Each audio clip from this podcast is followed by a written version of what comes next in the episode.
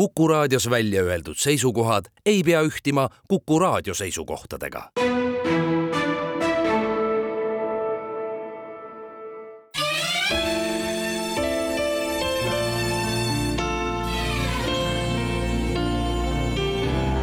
nädala raamat. Hanna Arendt, Eichmann Jeruusalemmas, Postimehe kirjastuselt tere ja ilusat uut aastat, head kuulajad! kuku raadio on ka sel aastal jätkamas iganädalast nädalaraamatu sarja, tutvustamaks uut taimelugemist meie raamatupoodides või nobedamatel ka kodustel raamaturiiulitel või e-lugerites. tuleb tunnistada, head kuulajad, et tänavune aasta algab meil päris tõsise lugemisega Postimehe kirjastuse mõttekirjanduse sarjas nägi läinud aasta viimastel päevadel trükivalgust Hanna Arendti kõmuline teos Eichmann Jeruusalemmas, reportaaž kurjuse banaalsusest. see raamat oli kõmuline juba oma esmailmumise aegu, enam kui kuuskümmend aastat tagasi, ja on ta kõmuline olnud sealtmaalt saadik kuni tänase päevani välja sest siiani ei pruugita aru saada, kuidas on juudist autor, samuti natsiterrori eest omal ajal põgenenud mõjukas mõtleja nii neutraalselt ja mingi empaatianoodigagi ja mis põhiline, õigusele ja õiglusele põhinevat kirja pannud. koondanud mõistlikke reportaaže ja kommentaare toimunust, mis juba ette ja taha ühemõtteliselt hukka mõistetud, risti löödud ja selles kahtlejaid süüdistatud vaata et kollaboratsioonis natsikurjategijatega hea küll, utreerisin veidi, aga üldjoontes jääb mõte samaks meie nädalaraamat ilmus suuresti ajalehe reportaažidena esmakordselt aastal tuhat üheksasada kuuskümmend kolm The New Yorkeris, mille korrespondendina toona endale juba nime teinud Hannah Arendt Jeruusalemma saadeti. selleks, et vahendada lugejatele seal toimunud üht sajandi kohtuprotsessidest natsikurjategija Adolf Eichmanni üle pisut täiendatuna ja ühtede kaante vahel ilmus meie nädalaraamat tuhande üheksasaja kuuekümne neljandal aastal ja kordustrükke on talle tehtud hulgim. ja nüüd siis ka eestikeelsena pärast kuut aastakümmet meie nädalaraamat on tõlkinud eesti keelde Eda Ahi, toimetanud on seda Erkki Vahovski ja kaasalööjaid on eestikeelse tõlke juures olnud rohkemgi. hulk konsultante näiteks, sealhulgas sõjaajaloolane Siim Õismaa ja väga märkimisväärse eessõna on kirjutanud ja sellel ka ekstra peatume armastatud ajaloolane David Vsevjov. nimesid sündmusi ja fakte jookseb meie nädalaraamatust läbi päris palju. ja see tekst tahab saada päris tõsist süüvimist, et püsida järjel. aga see on seda väärt. et mõista, miks Hanna Arendt kirjutas nõnda ja arutles nõnda, nagu kirja sai ning miks laiem avalikkus niisugusesse šokki loetust langes teeme esmalt tutvust peamiste persoonidega, alustades autorist Preisimaa juudi kaupmeeste perekonnas tuhande üheksasaja kuuendal aastal sündinud Hannah Arendtit loetakse kahekümnenda sajandi mõjukaimaks poliitikateoreetikuks, ajaloolaseks ja filosoofiks. Marburgi ülikoolis õppides sai ta ilmselt oma teadusliku põhja ja ilmavaated oma õppejõult ja mõned ütlevad, et ka toonaselt kallimalt Martin Heideggerilt. Doktorikraadi omandas Arendt juba kahekümne kolme aastasena Heidelbergi ülikoolist vahetult pärast natside võimuletulekut tuhande üheksasaja kolmekümne kolmandal aastal oli ta sunnitud pagema Pariisi ning pärast Teise maailmasõja puhkemist jõudis ta välja Ameerika Ühendriikidesse. Arendt jõudis seal olla juutide Schockenbuchsi kirjastuse peatoimetaja, õpetada politoloogiat muuhulgas Berkeley, Princetoni ja Chicago ülikoolides ja kirjutada ka hulka teoseid, milledest säravamate hulka loetakse Inimolemise tingimusi, raamatut revolutsioonist ja ka raamatut Vaimuelu aga päris kindlasti tegi ta laiemalt tuntuks just meie nädalaraamatuks olev Eichmann Jeruusalemmas ehk reportaaž kurjuse banaalsusest. Hanna Arendt lahkus siit ilmast aastal tuhat üheksasada seitsekümmend viis. Raamatu peategelane, Natsi-Saksamaa ohvitser ning üheks holokausti peaarhitektiks loetav Adolf Eichmann sündis samal aastal kui raamatu autorgi, tuhat üheksasada kuus sündis küll Saksamaal, aga kasvas üles Austrias ning liitus seal riigis tuhande üheksasaja kolmekümne teisel aastal tegutseva Natsionaalsotsialistliku partei rakukesega. edasi kolis ta Saksamaale ja astus toona veel natsipartei kaitseorganisatsiooni ülesandeid täitva paramilitaarse SS-i ridadesse järgnevalt tegi Eichmann juba karjääri julgeolekuteenistuse SD staabis ja üsna kiiresti ka sama teenistuse nõndanimetatud juudi osakonnas, kuuludes ühtlasi juudivastast poliitikat kavandavasse ja teostatavasse SS-i juhtkonda. Pärast Austria annekteerimist ehk Anschlussi kolmekümne kaheksanda aasta märtsis määrati Eichmann vastutajaks Austria juudi kogukonna emigreerumisele sundimise eest just tema juhtimisel töötati välja plaan, mis pidi õhutama juudi rahvusest elanikkonda riigist lahkuma. ja selle eesmärgi saavutamiseks kehtestati juutidele kõikvõimalikke piiranguid ja intensiivistati nende tagakiusamist. ja seejuures muide ei välistanud Eichmann oma eesmärgi saavutamiseks ka koostööd illegaalset emigratsiooni toetavate juudi organisatsioonidega aastal tuhat üheksasada kolmkümmend üheksa septembrist ehk sõja algusest oli Adolf Eichmann juba riikliku salapolitsei ehk Gestapo juudi osakonna juht. ja toonasest ajast alates koondus tema kätesse juba rohkem võimu. neljakümnenda aasta lõpuks kontrollis Eichmanni juhitud asutus juba juudi rahvusest elanikkonnaga seotud kõiki küsimusi kogu Kolmanda Reichi territooriumil aastal tuhat üheksasada nelikümmend üks osales ta aruteludes, mille eesmärk oli pange nüüd tähele, juudi küsimuse lõplik lahendamine, mis sai oma lõpliku vormistuse aastal tuhat üheksasada nelikümmend kaks, kahekümnendal jaanuaril Berliini äärelinnas Wannsees toimunud nõupidamisel.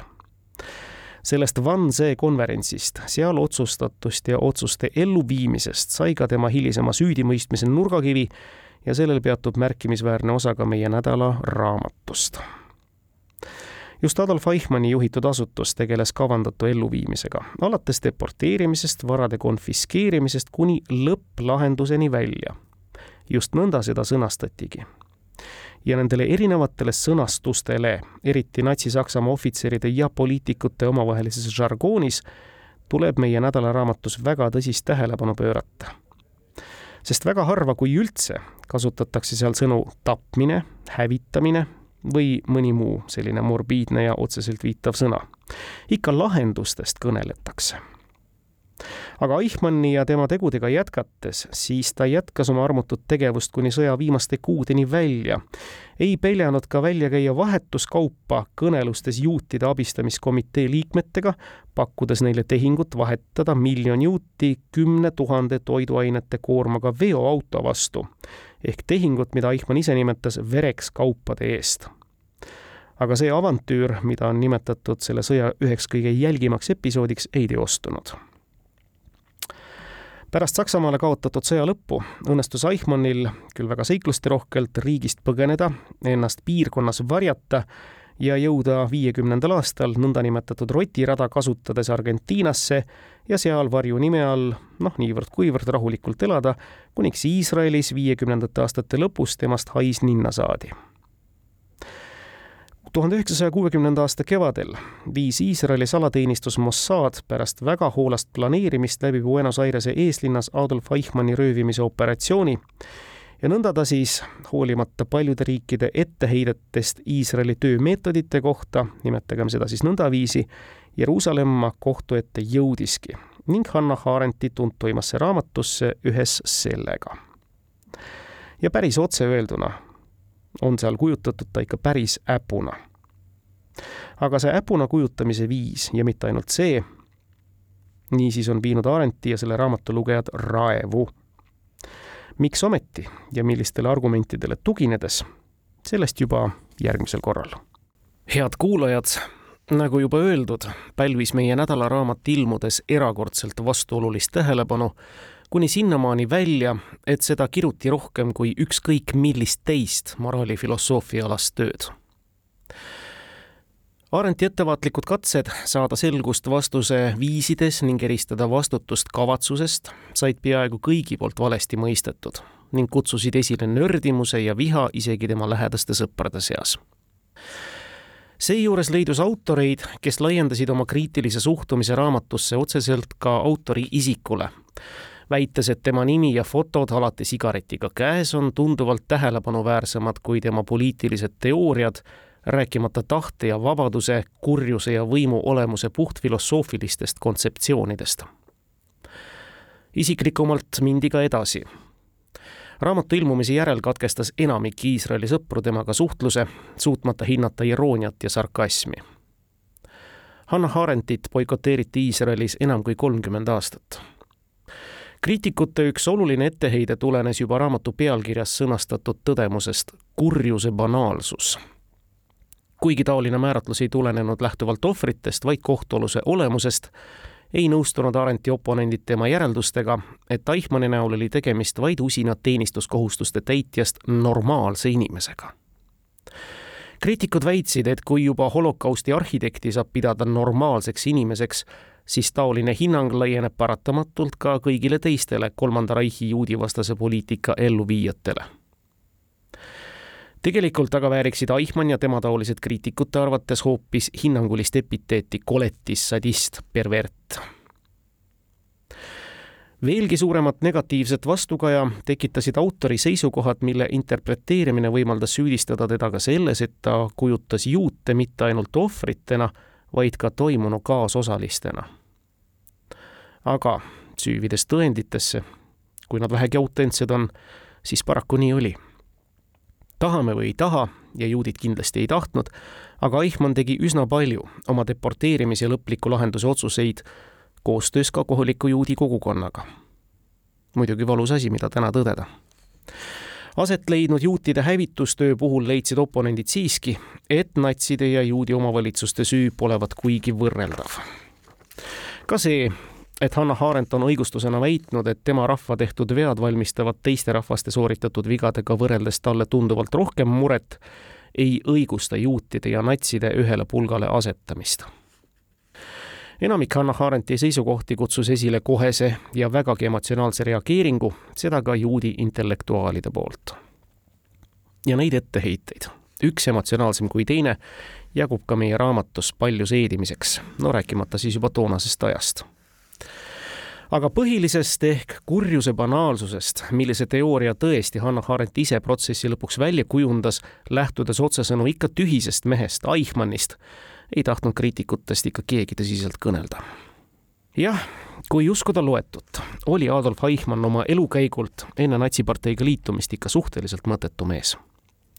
ja muide, seda saab väita üsna paljude hilisemate natsipartei juhtivliikmete kohta, kes võimalik, et elasidki oma senist ekslevat ja sihitut elu kompleksina suure eesmärgi nimel hiljem välja Adolf Eichmann, nagu juba mainitud, kasvas üles Austrias suures ja võrdlemisi hästi toimetulevas peres. ta oli ainus laps, kel ei õnnestunud lõpetada keskkooli ega inseneeria kutsekooligi, kuhu ta seejärel pandi. kogu oma elu peitis Eichmann teiste eest oma noorpõlve ebaõnne, varjudes isa auväärsema majandusliku ebaõnne taha. Nagu autor kirjutab kuna tegemist polnud kõige töökama ja kindlasti ka mitte kõige andekama õpilasega, võttis isa lihtsalt noore Adolfi keskkoolist ära ja leidis talle pärast lühikest otsa kaevurina juba püsivama töö müügimehena. ja sellega siis Adolf Eichmann enne natsikarjääri elatist teeniski muide, oluline on hilisemat silmas pidades ära märkida, et ühe järjekordse rändmüügimehe ameti sai ta oma juudist sugulase kaudu ja seda tõika ning fakti, et ta ka enda perekonna juudid olla teda eluteel aidanud, viitavad selgelt sellele, et ta isiklikult ei vihkavat mitte ühtegi juuti, kaugel sellest. ja seda rõhutas hilisem kohtualune juba esimestest ülekuulamistest saadik viis ja pool aastat toimetas Eichmann rändmüügimehe ametis. aastaks tuhat üheksasada kolmkümmend kaks põles ta enda sõnul läbi ja liitus Natsionaalsotsialistliku parteiga. muide, kaaludes enne seda ka vabamüürlastega liitumist eks seegi näita noormehe eklektilist meelt ja soovi kellegi või millegiga kambas olla ühiskonnas mingigi märgatav liige või positsioon endale välja teenida. Need ei olnud kindlasti välja kujunenud vaated, mis teda natsiparteiga liituma ajendasid ülekuulamistel kus tal selle kohta lähemalt ka küsiti, puistas ta vastuseks vaid piinlikke klišeesid stiilis, kuidas parteiliin lihtsalt alla neelas. tal polnud aega, rääkimata soovist ennast põhjalikumalt kurssi viia, ta isegi ei teadnud partei programmi ega olnud lugenud Mein Kampfi. nii palju suutis ta enda jaoks siiski kalkuleerida selgeks, et ehk aitab parteilises liinis edasi karjääristada sõjaväelase kutse ja neliteist kuud saigi ta sõjaväelist drilli, mis küll hirmus üksluiseks ja mitte väga kondipäraseks talle moondus. jälle ta oli plindris. kuid siis kuulis ta, et Reichsführer SS-i julgeolekuteenistus SD ehk Sicherheitsdienst pakub tööd ja ta otsustas jalamaid kandideerida. selleks, et esialgu taas pettuda tegemist oli toona võrdlemisi uue organisatsiooni struktuuriga, mille oli loonud Heinrich Himmler esiti partei luureorganisatsioonina ja mida juhtis hilisem Eichmanni ülemus, natsiparteis kõva karjääri teinud ja hiljem okupeeritud Tšehhoslovakkia juhiks tõusnud ja seal ka atentaadi ohvriks langenud Reinhard Heydrich. Heydrichist on raamatus hiljem väga palju juttu, kui Jeruusalemma protsessil võetakse pulkadeks lahti vastutus juutide lõpplahenduse küsimusel. Eichmanni karjääri juurde naastes ega temagi oma pealispindsuses ja kaanepilti imetledes oli arvanud, et saab SD-ga liitudes osaks kõrgemate parteiametnike seltskonnast, kes söödavad, sõidavad mööda, kaasas komandovahid, mehed, kes seisavad auto astmelaual.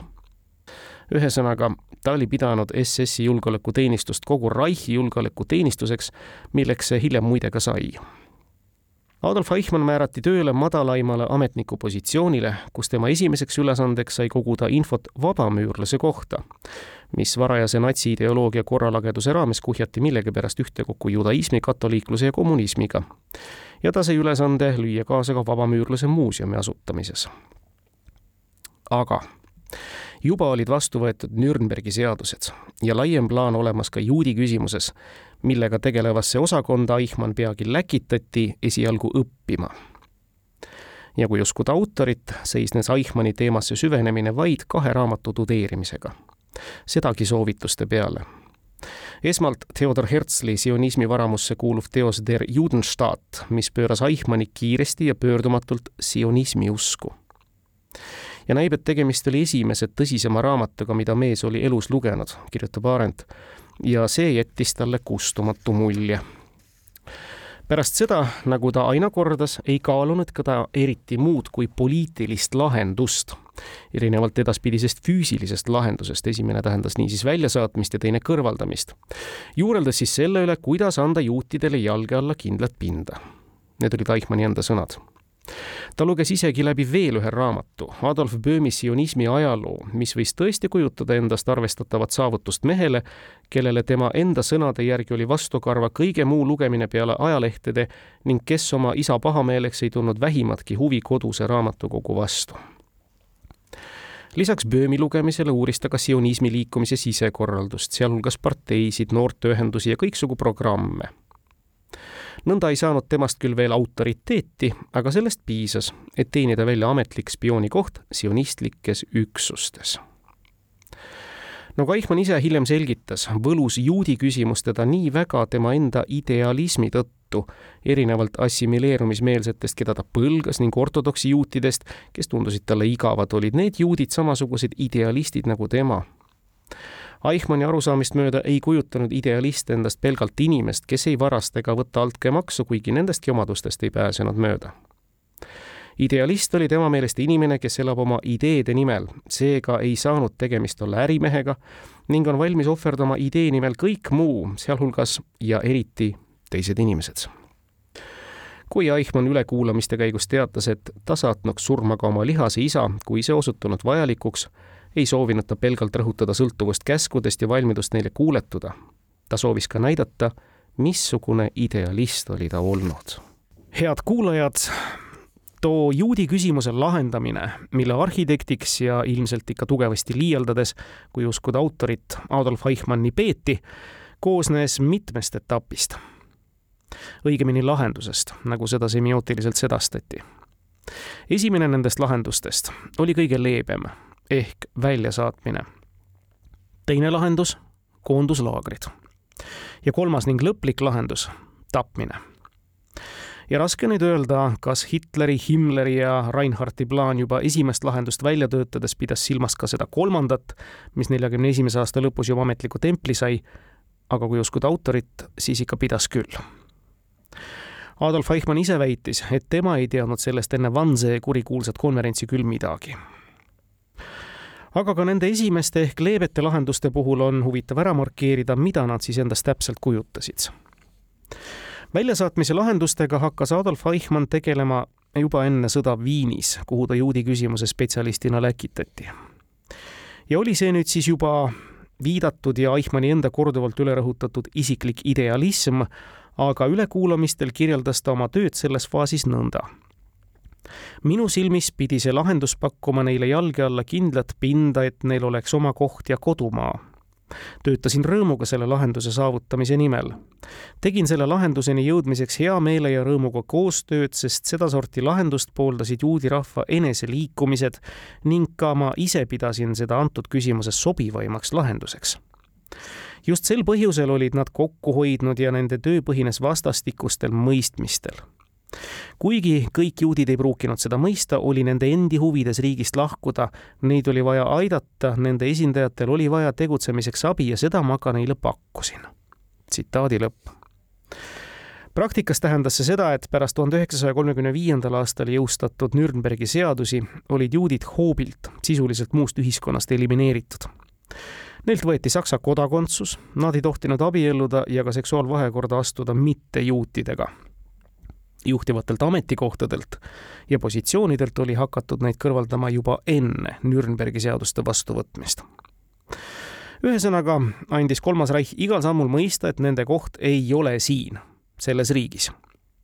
ja praktikas pakuti neile siis esialgu abistatud emigreerimisvõimalust nõnda, et seda kõike nende oma vara ja raha eest saadeti nad siis või oli plaan nad saata toona Palestiina nime kandnud brittide kontrollitud territooriumile tegelikult oli üks mastaapne mõte veel. Adolf Eichmann nimetas iseennast selle autoriks, ehkki Arendt võtab selles kahelda ja lükkab ka tegelikult ümber. kõik Euroopa juudid, hinnanguliselt neli miljonit inimest, evakueerida Madagaskari saarele see pompöösne ja isegi uskumatuna tunduv plaan sai tegelikult alguse Saksamaa välisministeeriumist ja nagu nüüd on selgunud, võis tegelikult olla juba ka kattevarjuks tollele viimasele lahendusele ehk kõigi Lääne-Euroopa juutide füüsilisele hävitamisele. Igal juhul kuulutati salajas hoitud Madagaskari projekt peagi iganenuks ja seejärel olidki kõik psühholoogiliselt või õigemini loogiliselt valmis juba järgmiseks sammuks kuna polnud territooriumi, kuhu evakueerida, jäi ainsaks lahenduseks hävitamine. nüüd see teine lahendus, koonduslaagrid. enne seda veel ka getod või on need antud kontekstis üks ja seesama läbi raamatu ja protsessi komas läbi Tšehhis Böömimaal asuva Theresienstadti geto lugu. Adolf Eichmann pidas ennast selle loojaks ja tõi selle positiivse argumendina välja kui ühe justkui väga inimliku lahenduse juudi probleemide lahendamiseks Theresienstadti geto loodi tuhande üheksasaja neljakümne esimesel aastal tegelikult propaganda eesmärgil ja see pidi kujutama enesest eeskujulikku eakatele rajatud laagrit, Potjomkini küla.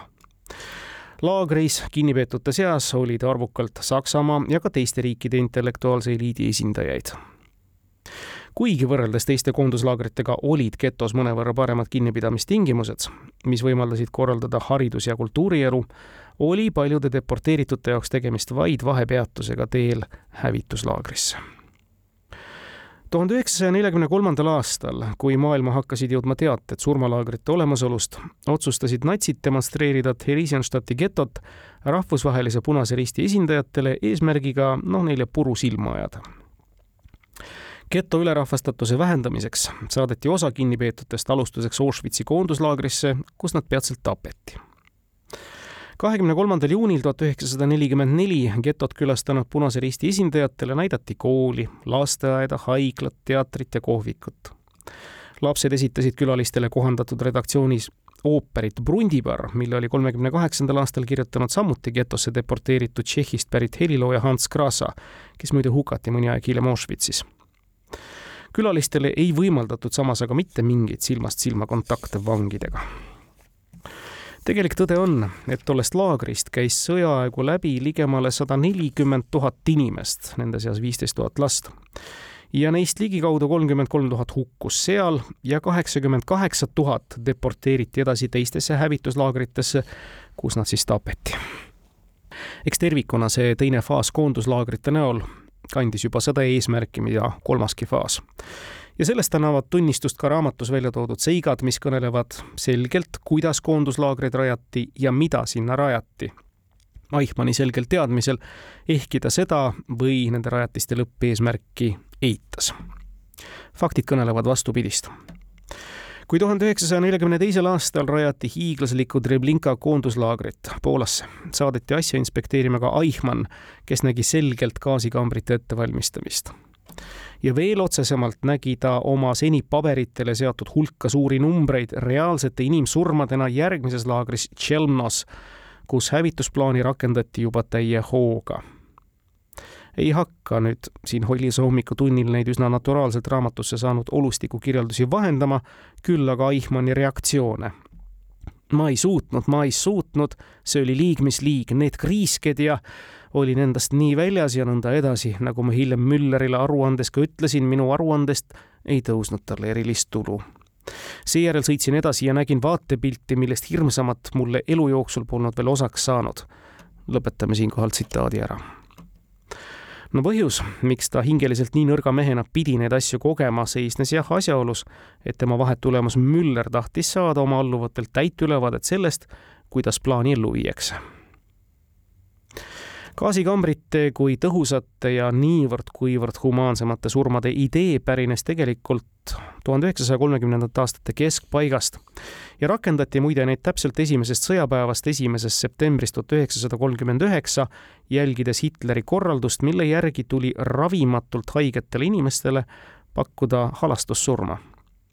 Ja muide, too halastussurma mõiste tuli esile ka Jeruusalemma protsessil, kui Eichmanni kaitsja doktor Robert Servatius tõi kohtusaali jahmatava faktina sisse tõiga, et tegelikult tuleks juutide gaasitamist käsitleda mitte mõrvana, vaid hoopis meditsiinilise küsimusena. aga korralduse alguse juurde minnes, siis seda hakati rakendama koheselt vaimuhaigete peal, nii et kolmekümne üheksanda aasta detsembrist neljakümne esimese aasta augustini tapeti umbes viiskümmend tuhat sakslast vingugaasiga asutustes, mille hukkamiskambrid olid maskeeritud täpselt samamoodi nagu hiljem Auschwitziski, duši- ja tualettruumideks see programm kukkus Saksamaal muide läbi, gaasitamist ei õnnestunud ümbritseva Saksa elanikkonna eest saladuses hoida, kostus vastuhakku kirikult inimestelt, kes polnud eeldatavasti veel omandanud objektiivset arusaama meditsiini olemusest ja arsti ülesannetest gaasitamine kui siis natsikeeli inimlik tapmisviis, millega pakutakse inimestele halastussurma, sai aga idas alguse peaaegu kohe, kui Saksamaal sellega lõpule jõuti.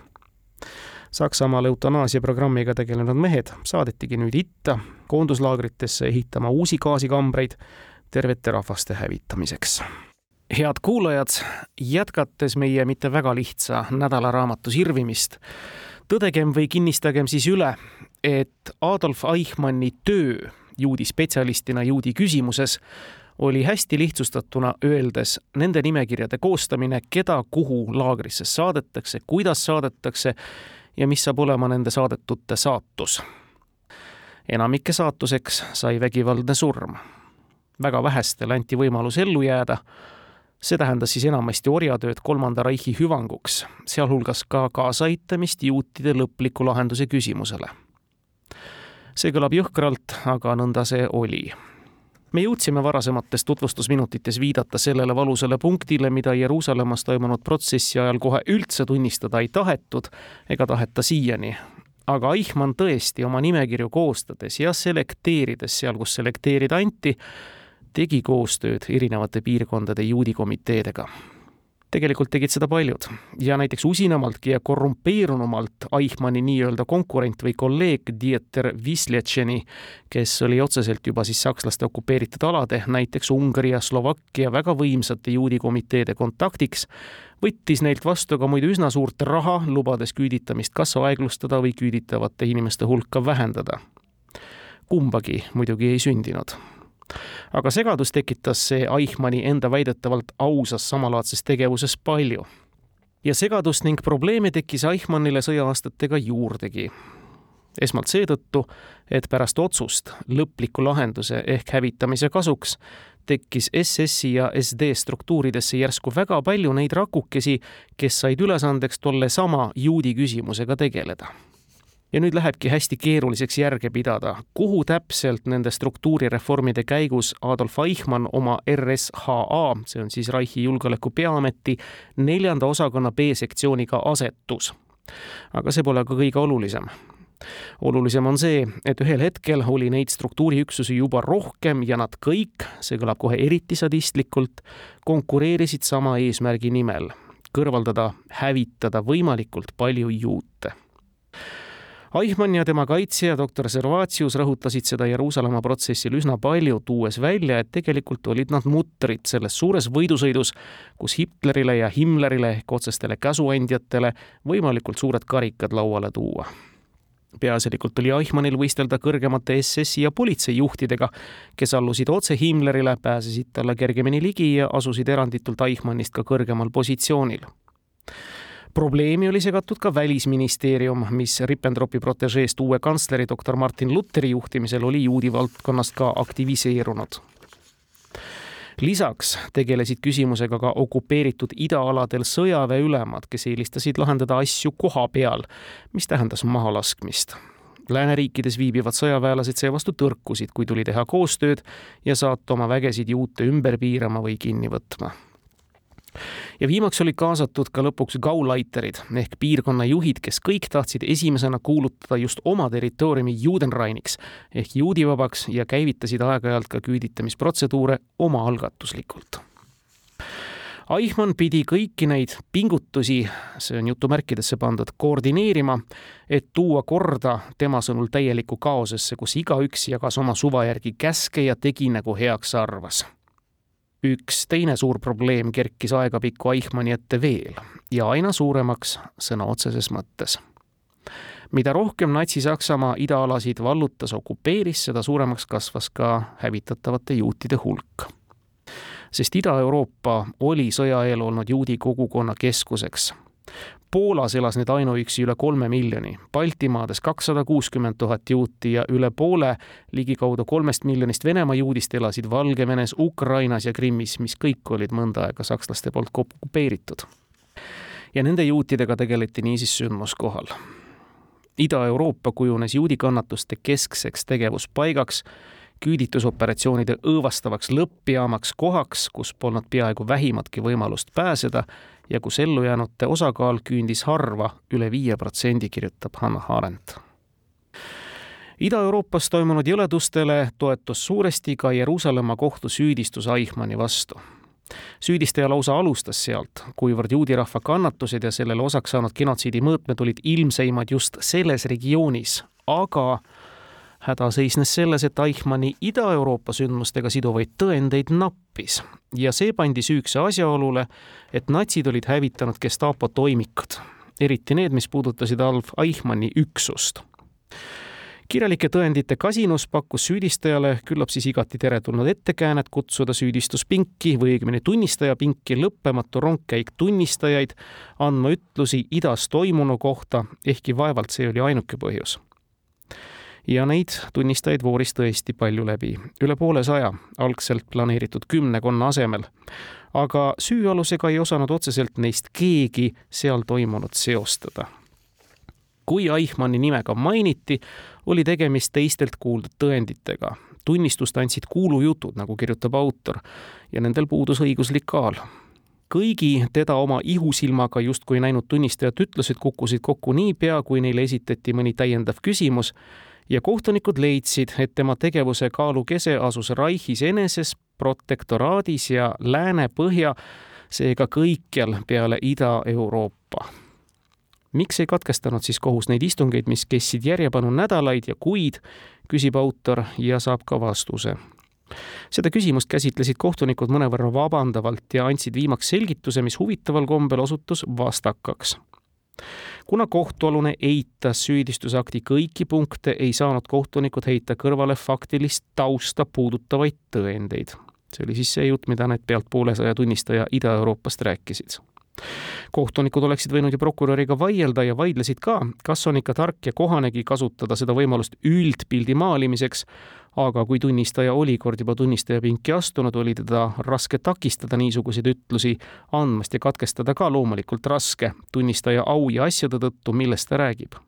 ja kui inimlikult võtta, kes olid siis nemad, kohtunikud, et keelata neile inimestele oma kohtupäeva.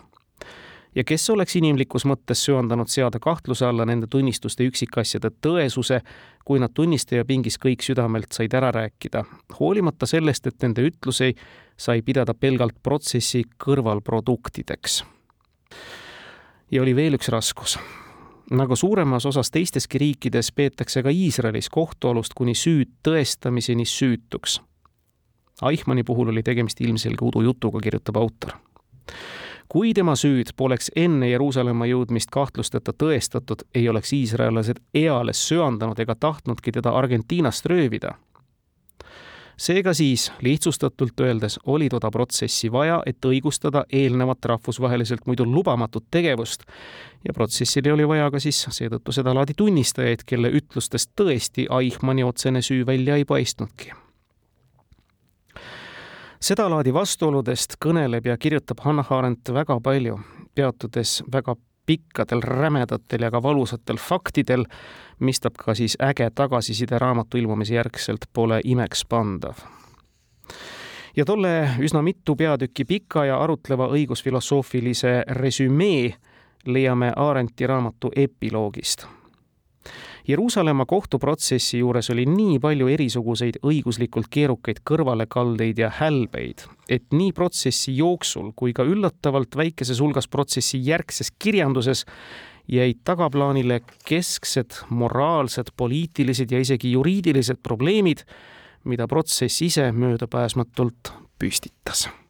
head kuulajad, jõudes täna meie selle nädala raamatu tutvustusega ühele poole laenakem autorilt korra veel eile kuuldud ja vahendatud mõtet raamatu epiloogist.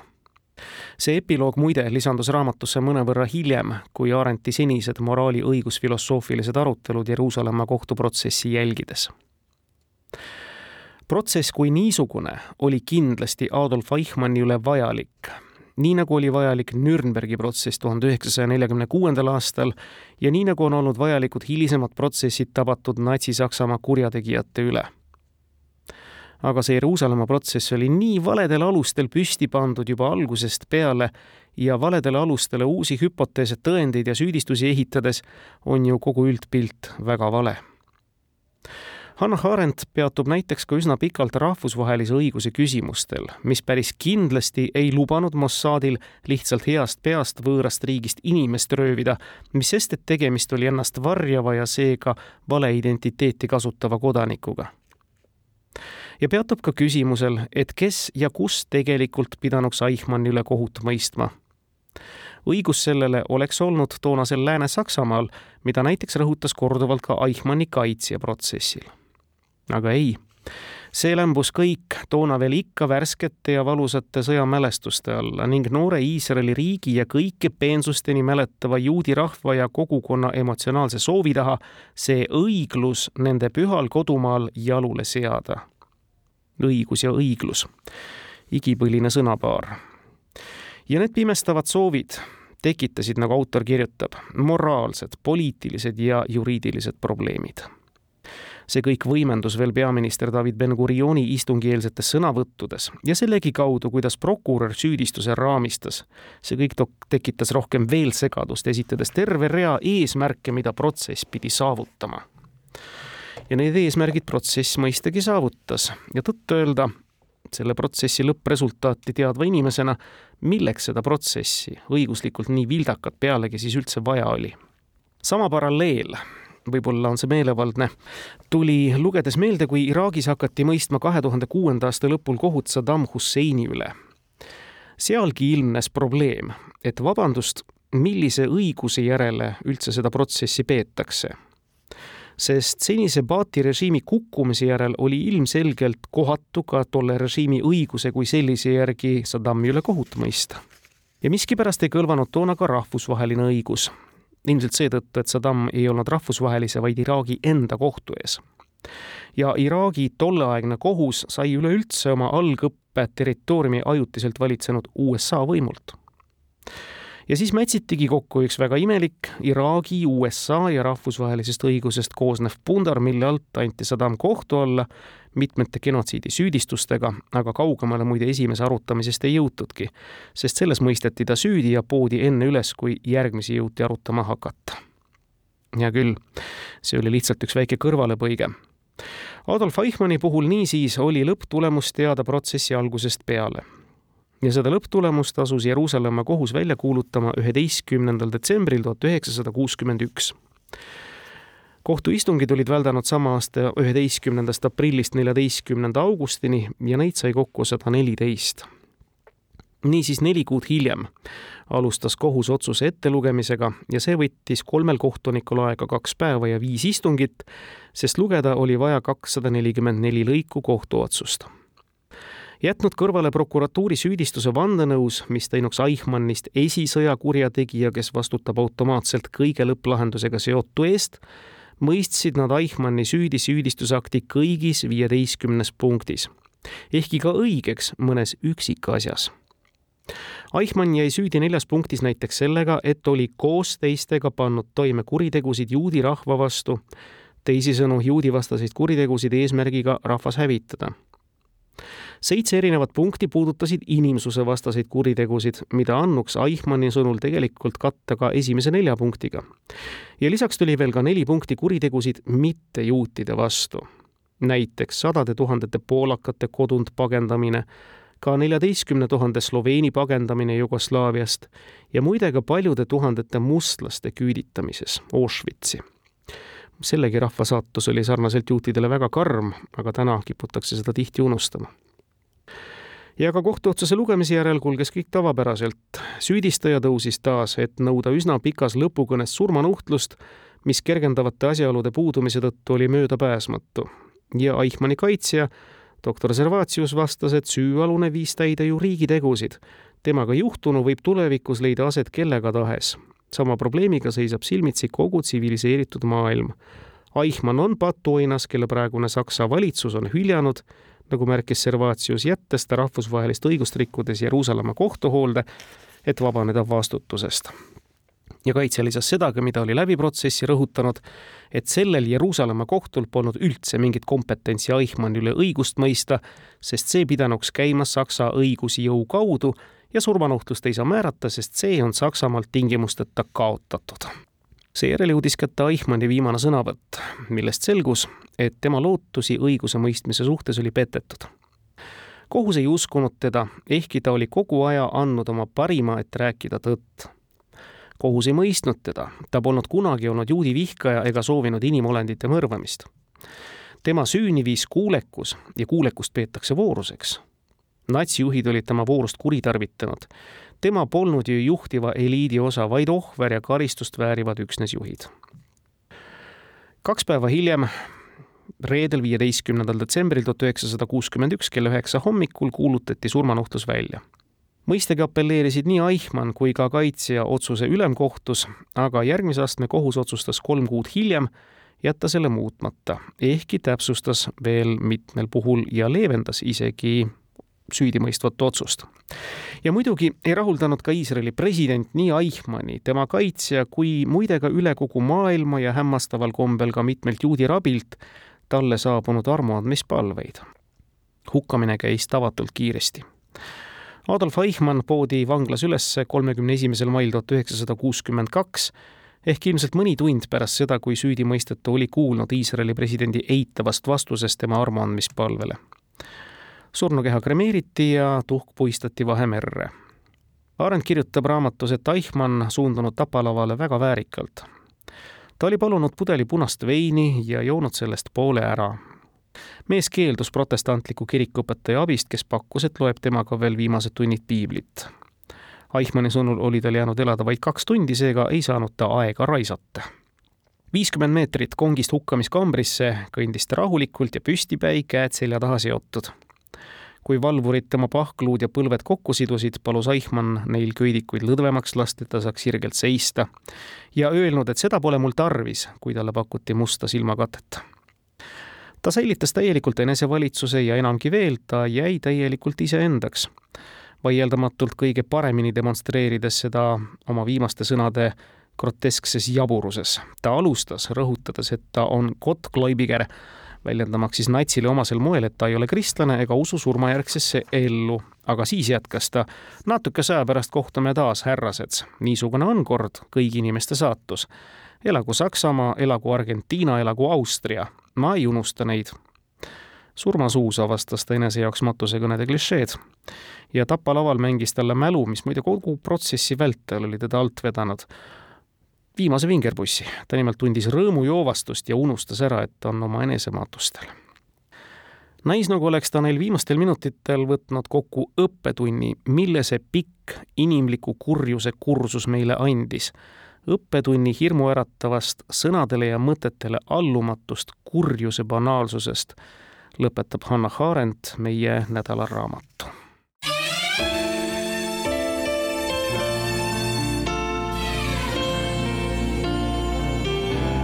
Nädala raamat.